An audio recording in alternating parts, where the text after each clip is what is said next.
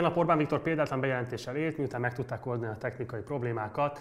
Kijelentette, hogy a vállalati szektor mellett a lakossági szektorban keletkezett hiteleket is moratórium alá helyezik, ami azt jelenti, hogy egészen az év végével bezárólag nem terheli visszafizetési kötelezettség ezen hitelek felvevőit. Hogy ez pontosan milyen következményekkel jár majd nemzetgazdaságra nézve, egyáltalában milyen szokatlan, drasztikus, radikális lépések láthatóak most szerte Európában az egyes nemzetállamok részéről, amelyekkel próbálják a válság hatásait enyhíteni, kezelni. Nos, Ezekről fogunk beszélgetni most a Magyar Nemzeti Bank ex alelnökével, Király Júliával. Szervusz Júli, itt vagy adásban?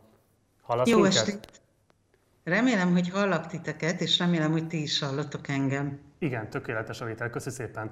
Köszönöm szépen, hogy elfogadtad a meghívásunkat, és köszönöm, hogy Skype-on velünk vagy.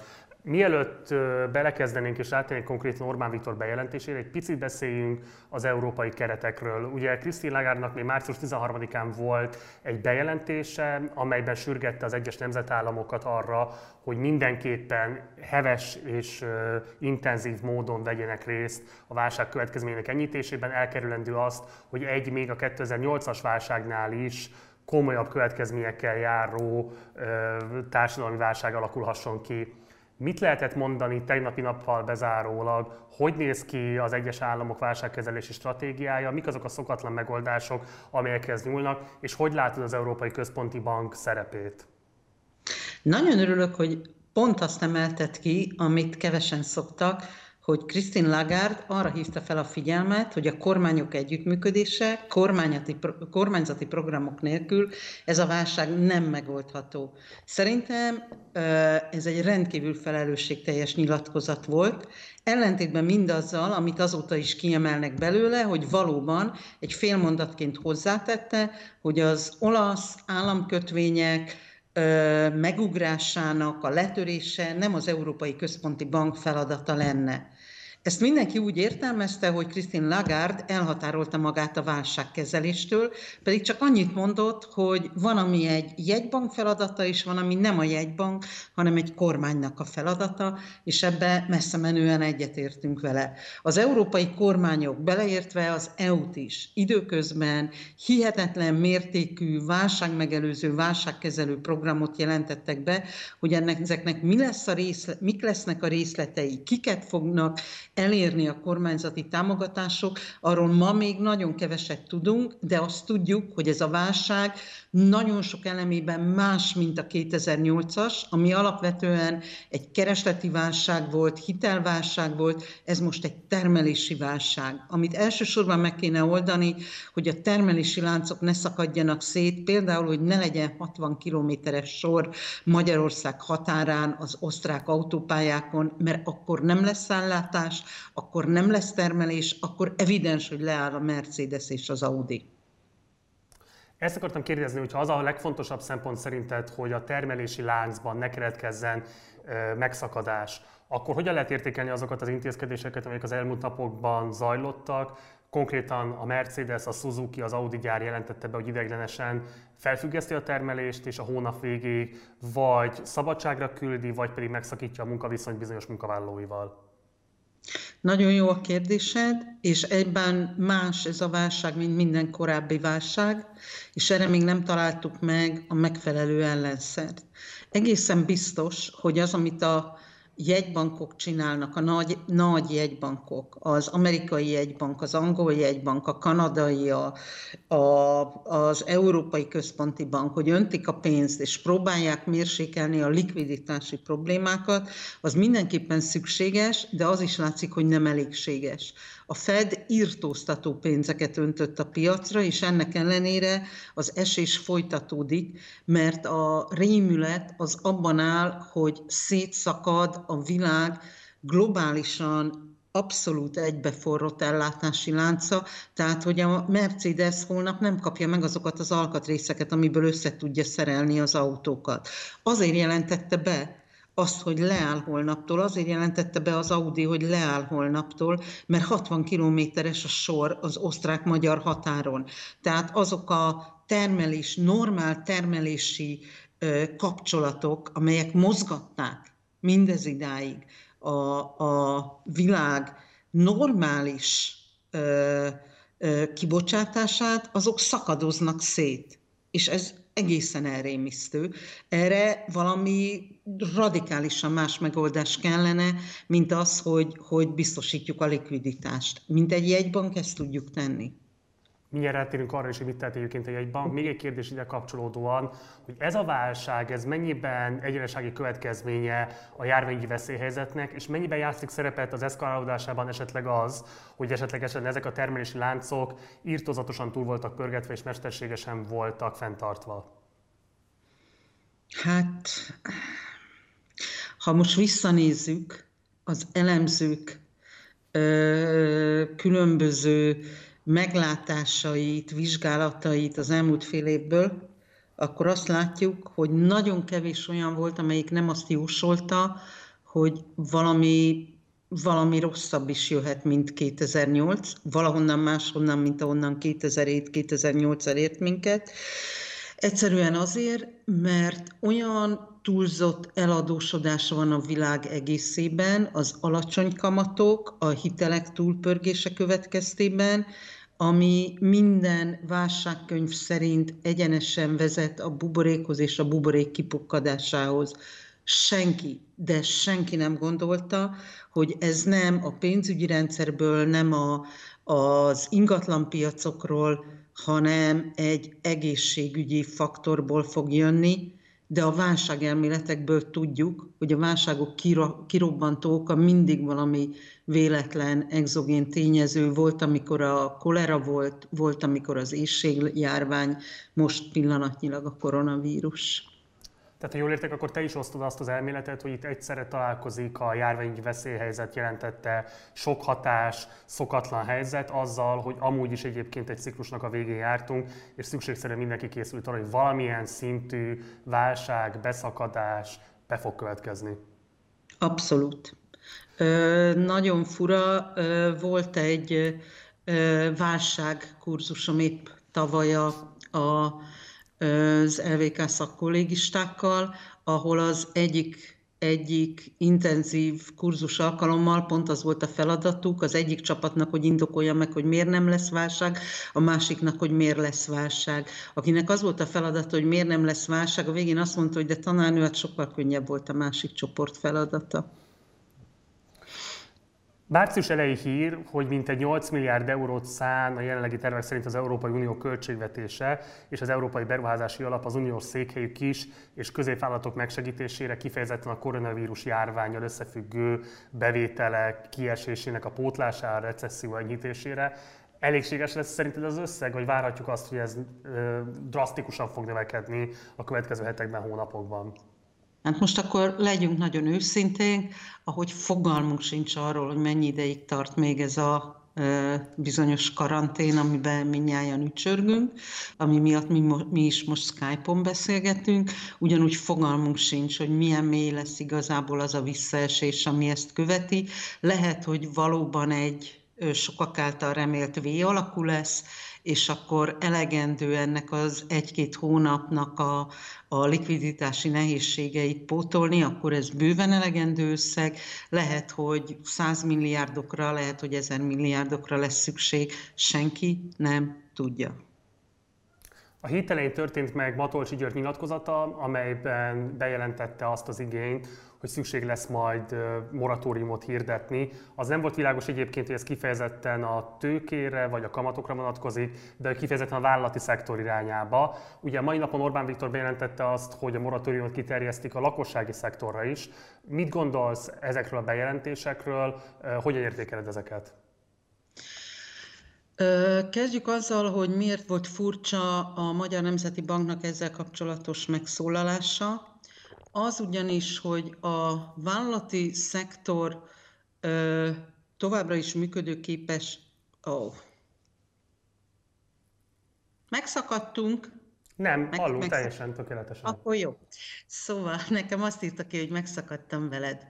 Semmi szóval a, a jegybanknak az a szerep túlértékelése, hogy ő felelős az egész magyar gazdaságért, miközben van egy pénzügyminisztérium és van egy kormány, ez igen-igen furcsa volt már akkor, mikor a jegybank három napja, illetve ma közzétette állásfoglalásait, hogy mindenképpen meg kell segíteni a vállalati és a lakossági szektort. Ez csak egy szerepfélreértelmezés, de tényleg nézzünk a mélyére, hogy valóban mennyiben mennyiben elfogadható, mennyiben reális, mennyiben segíti ez a gazdasági kibontakozás. Nagyon furcsa, hogy a, a veled való beszélgetésben még Zsidai Viktor is azt említette, hogy persze a fizetési moratórium a bankokkal szembe az egy nagyon reális és konzekvens lépés.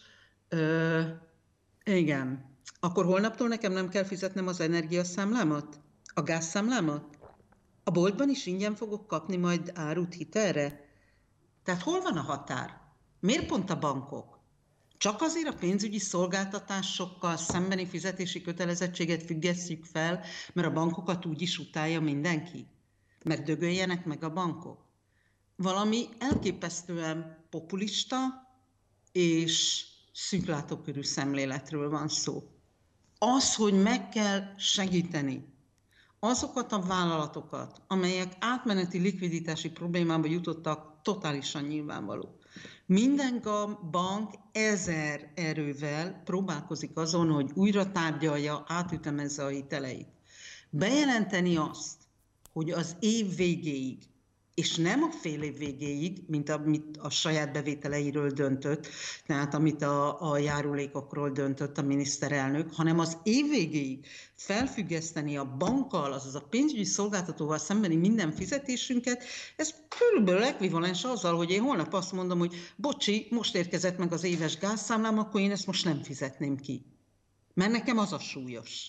A másiknak lehet, hogy a bankhitele elképesztő hatással lesz. Az, hogy a forint 355-ön van, evidens következménye ennek a követelésnek és a bejelentésnek. Az, hogy milyen egyéb pánikreakciók indulnak el Magyarországgal szemben, hogy holnap, holnap hol lesz a magyar államkötvények kamata, azt megjósolni sem tudjuk. Az evidens, hogy a bankokat kiválóan megbüntettük, tehát az ország jelentős része tapsol hiszen végre elpusztul a pénzügyi szektor. Utána megnézhetjük azt, hogy hova, hova lesz a gazdaság, és hova lesznek önök.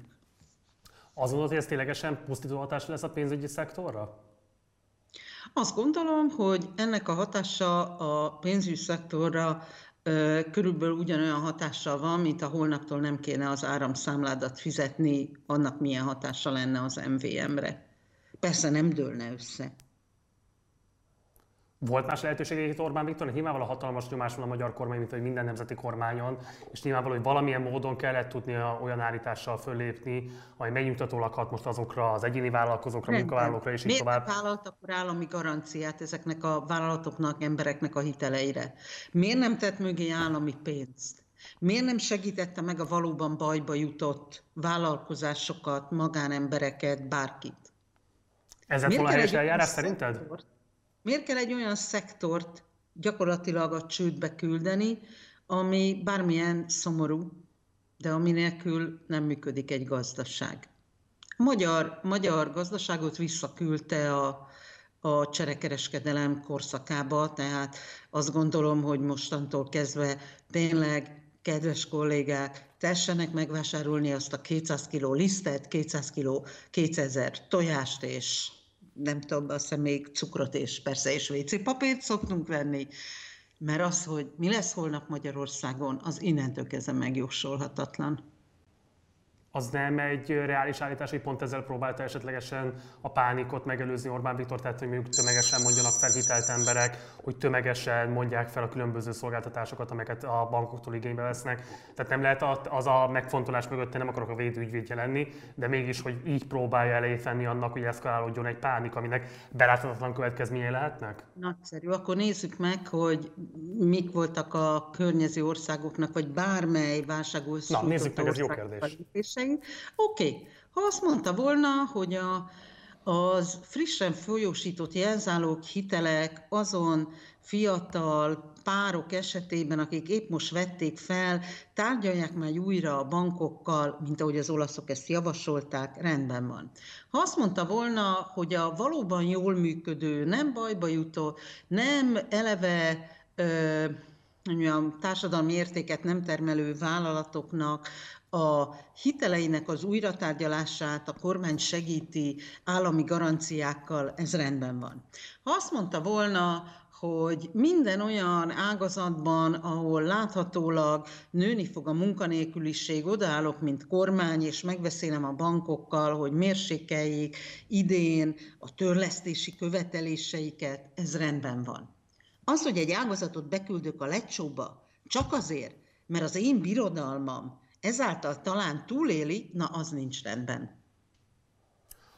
Ha ez a szenárió következik be, amit most te vázoltál, akkor elképzelhető, hogy néhány hónapon belül megváltoztatja a kormányzat ezt a bejelentését? Ugye nyilvánvaló, hogy nekik sem elérdekükben bedönteni a pénzügyi szektort. Tehát, hogyha ez a következmény elkezdene bekövetkezni, várod azt, hogy esetlegesen revidálja az álláspontját a miniszterelnök?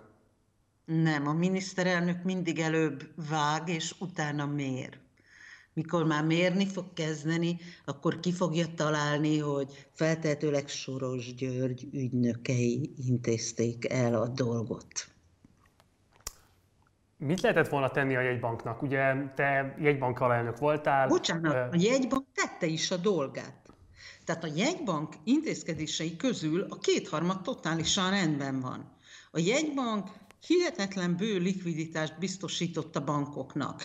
Elintézte, hogy a, az általa refinanszírozott növekedési hitelprogramban résztvevő vállalatok, ha úgy gondolják, akkor mérsékeljék a hitelterheiket. A jegybank kommunikációja ezekben a pontokban tökéletes volt.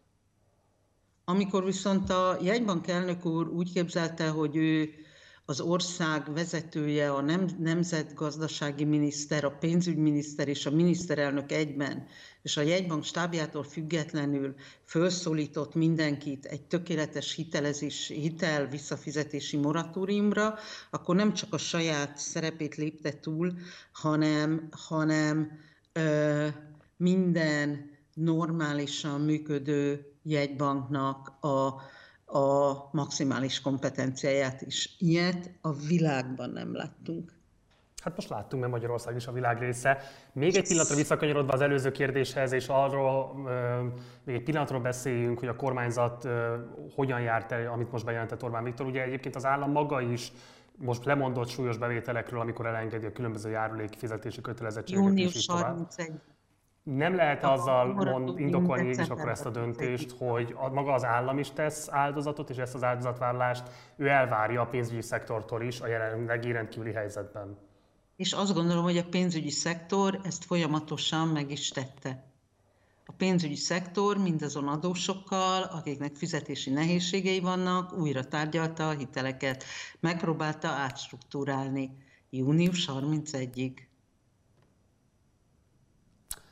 Záró kérdés ez a kérdés közül, aztán térjünk majd vissza a Nemzeti Bankhoz, hogy a terészedről ez egy szakmai kritikája a kormányzat működésének, vagy arról van szó, hogy te úgy általában véve a politikai kormányzást, amely kiterjeszti magát a gazdaság területére, és azt gondolja, hogy ott szuverén eljárásrendeket alkalmazhatsz. Vagy ezt kritizálod inkább, vagy azt gondolod, hogy neked ez szakmailag problémás az eljárásrend? Ez a, ez a lépés, hogy érzékeltessem veled, hogy milyen volt. Ma délután nyolc létező legkülönbözőbb embertől kaptam telefont, hogy mit szólsz ehhez. Ezekhez, ezek között volt aktív Fidesz tanácsadó, aktív gazdaságpolitikus, bankvezető, gazdasági vezető, vállalatvezető. Egyszerűen azt gondolom, hogy szakmailag ez a bejelentés az ország szempontjából mélységesen tragikus volt, bármi is lesz a következménye, egyszerűen, mint kommunikáció volt rémséges.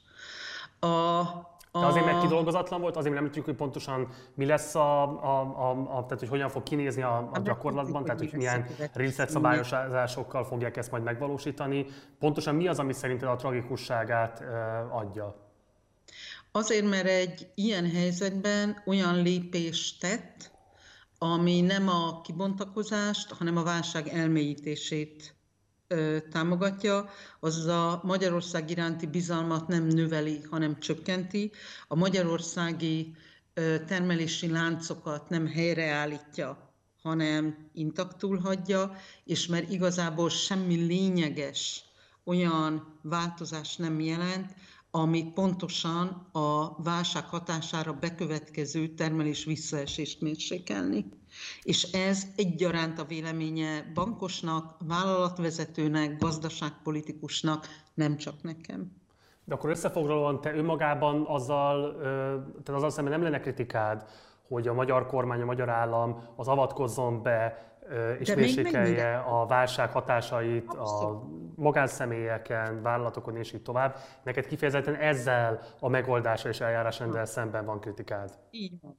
Ha ma délután háromkor Orbán Viktor azt jelenti be, amit ma délben 12-kor a belga kormány, vagy egy hete a párizsi, a francia kormány, vagy a szerb kormány, hogy holnaptól kezdve nem léphetsz ki, viszont fizeti a munkabérednek a 30%-át, és a vállalatot fennálló tartozásainak a 20%-ára moratóriumot rendel el, és állami garanciát ad rá, semmi problémám nem lenne. Ilyen helyzetben minden kormánynak lépnie kell, mint ahogy minden kormány lépett is. Szerinted az Csányi Sándor a... alszik van nehezebben, vagy pedig a Igen. Deutsche Banknak Igen. a németországi vezetése? Csányi Sándor. Jelen Jó. pillanatban az OTP részvényeit ez a bejelentés holnapra abban mély pontba küldte, amit nem érdemel meg az OTP, amelyik Európa egyik legtőkeerősebb bankja. Térjünk rá a Nemzeti Bank kérdésére. Ugye te írtál is egy kötetet arról, hogy olyan kezeltél a 2008 után felálló pénzügyi és gazdasági válságot, a tornádó oldalszele volt ennek a címe. Um, hogyan értékeled a jegybanknak a szerepét, és ha te ma ebben a szerepkörben lennél, mint amiben voltál 2008-ban, mihez kezdenél, mit javasolnál, és milyen monetáris politikát próbálnál folytatni? Az a baj, hogy ebben a helyzetből már visszafele kell mennünk. A, a jegybanknak a monetáris politikája az elmúlt két-három évben olyan mértékben volt laza, és olyan mértékben nem vett tudomást a, a körülményekről, hogy azt kéne mondanom, hogy valószínűleg, hogy nem ezzel a kamatszinten jutottunk volna el ebbe a helyzetbe. Ilyen helyzetben lenni egy kis nyitott gazdaság jegybankjának mindenképpen egy konfliktus. Egyik oldalról természetesen a gazdaságot kéne támogatni azzal, hogy minél alacsonyabb kamatokat tartasz, másik oldalról viszont azzal, hogy a nemzetközi piacok bizalmát növeld, azzal, hogy az országodat ne rekeszt ki a világból, ahhoz viszont kamatot kéne emelni. Hogy mit fog lépni a Nemzeti Bank, ezt a jövő héten meg fogjuk tudni. Amit eddig tettek, a likviditás bővítés abszolút jeles, a növekedési hitelprogram, ami egy saját program feltételeinek a módosítása abszolút jeles. Én azt gondolom, hogy a jegybank stábja továbbra is teszi a dolgát, de egy őrült túlevoládnál. Ugye a ti jegybanki rezsimeteket nagyon sok kritika érte a jegybanki alapkamat magasnak minősített szintje miatt. Ugye utána pont ez a Matolcsi féle rezsim arról lett híres többek között, hogy rekordalacsonyan tartotta a jegybanki alapkamatot. Most arról beszélt, hogy valószínűleg növelni kell majd a jegybanki alapkamatot annak érdekében, hogy az ország finanszírozása biztosított legyen. Te mit gondolsz erről vonatkozóan, hogy ez utólagosan is egyébként igazolja azt a válságkezelési intézkedést, amit ti követtetek el 2008-ban, vagy pedig arról van szó, hogy megváltoztak a körülmények, és egyébként alapvetően Matolcsék helyesen tették, hogy alacsonyan tartják a kamatszintet, az mindig is egy rossz kényszer, ha a jegybank magas alapkamatokat kénytelen fenntartani. Én kénytelen vagyok egy mítoszt elosztatni. A legnagyobb mértékben és a legrövidebb idő alatt mi csökkentettük a jegybanki alapkamatot. Nem egész fél év alatt 8 kal ez van. Csak er, erre, erről nagyon szívesen szeretnek elfeledkezni, és hát a történelmet azt most illik átírni. Tehát a, a Simor András féle vezetés, most akkor igazolj vissza, hogy nem csak nekem írja ki, hogy a kapcsolat megszakadt és probléma merült Hallunk. fel a hálózattal kapcsolatban. Semmi bajunk nincs a, a kapcsolattal, tökéletes a kapcsolat. Oké. Okay. Akkor visszatértünk. Szóval a Simor András féle vezetés 2009-ben 8%-kal csökkentette a jegybanki alapkamatot, ami 2010 elején Európában a hasonló kockázatos országokkal egy szinten megint megszakadtunk, szólj, hogyha nem szakad, Fie, bocs, jó? Ha, ha megszakadunk, Tehát ami a hasonló országokkal... Jó, oké. Okay. A hasonló országokkal egy színben volt. 2010-ben a belépő új kormány első intézkedéseivel, első bejelentéseivel olyan válsághelyzetet idézett elő, aminek révén 2011-ben muszáj volt emelni ezt a bizonyos alapkamatot, amit utána viszont valóban már békésen lehetett az euróválság megoldását követően csökkenteni. Tehát azt a kritikát, hogy mi bezzeg magasan tartottuk, nem. Gyorsabban és nagyon mértékben csökkentettük, mint bárki előttünk vagy utánunk, mert válság volt és csökkenteni kellett. 2013 után ugyancsak hosszú ideig csökkenteni lehetett. 2018 körül jelentkeztek azok az első jelek, amik azt jelezték, hogy Magyarország laza monetáris politikája tovább nem igazán tartható. A jegybank ekkor is kitartotta laza monetáris politika mellett, ami a, nem csak a, a forintnak a végtelen gyengülésében mutatkozott meg, hanem abban is, hogy 2000 19 végén, 20, 19 végén kénytelen volt egy burkolt kamatemelést végrehajtani, amit a benfenteseken kívül valójában senki nem vett észre, de hát azok, akik a piacon dolgoznak, azok észrevették, hogy a jegybank bizony az elszáguldó infláció miatt kénytelen volt egy burkolt kamatemelést megcsinálni. Ez körülbelül egy százalék volt, amit az elmúlt egy hónapban csökkentettek vissza. Ennek a rész, technikai részletei annyira finomak és annyira nem transzparensek, hogy nem fogom ezzel a nézőket ö, untatni, de akit a részletek érdekelnek, a portfolio.hu az egészen pontosan lekövette. Azaz magyarán nem tartották be azt, hogy egy jegybank azt csinálja, amit mond, és azt mondja, amit csinál. Tökéletesen ellentétben volt a jegybankban a cselekvés a kommunikációval. Ugye van az az értelmezése is egyébként ennek a jegybanki politikának, hogy a Matolcsi gyakorlatilag mesterségesen vagy erőltetetten letolták a piacok torkán ezeket az alacsony kamatszinteket. Te érzed-e azt, hogy esetleg emiatt lehet egy olyan bizalomvesztés az országgal szemben, hogy most, akár annak ellenére is, hogy megemelik a kamatszintet, komoly likviditási probléma állhat majd elő? Hát egyet nézzünk meg. Hol vannak a magyar hosszú állampapír kamatok? Egy hónapja még tényleg azon viccelődtünk, hogy alacsony, majdnem, hogy ugyanolyan alacsonyan vannak, mint a német papírok, ahogy megrezdült a piac, ahogy egy kis félelem, egy kis pánik megjelent, a magyar állampapír hozamok újra ugyanazon a szinten vannak, mint Görögországé és Olaszországé. Ennyi. Juli, nagyon szépen köszönöm, hogy velünk voltál, nagyon köszönöm, hogy mindezeket elmondtad. Biztos vagyok benne, hogy sokan fognak vitatkozni majd veled, de ez szerintem csak jó. Ez Ennek a vitának mi teret fogunk majd biztosítani, és éppen ezért majd a későbbiekben is várunk vissza, hogy tudjál reagálni majd azokra a kritikákra, amik esetleg a későbbiekben elhangzanak. Még egyszer köszönöm szépen, hogy ránk szántad az estédet, és köszönjük szépen mindazokat, amiket köszönöm elmondtál. Szépen. És Ez volt most a Partizán adása, amelyben értékeltük a tegnapi nap eseményeit. Király Júlia ex Nemzeti Bank alelnökkel. További adások érkeznek majd a Partizán csatornán, érdemes feliratkozni a Facebook oldalunkra, a YouTube csatornánkra és követni a fejleményeket. Ha pedig van lehetőség, akkor kérem, hogy szálljanak be a finanszírozásunkba a Patreon oldalunkon keresztül, valahol itt mellettem elvileg megtalálható maga a link is. E, nagyon nagy örömmel veszünk minden támogatást, mert ezzel lehetővé válik az, hogy további ehhez hasonló videókat, műsorokat tudjunk készíteni. Hamarosan jelentkezünk, a stádionében üdvözlöm Önöket, viszontlátásra!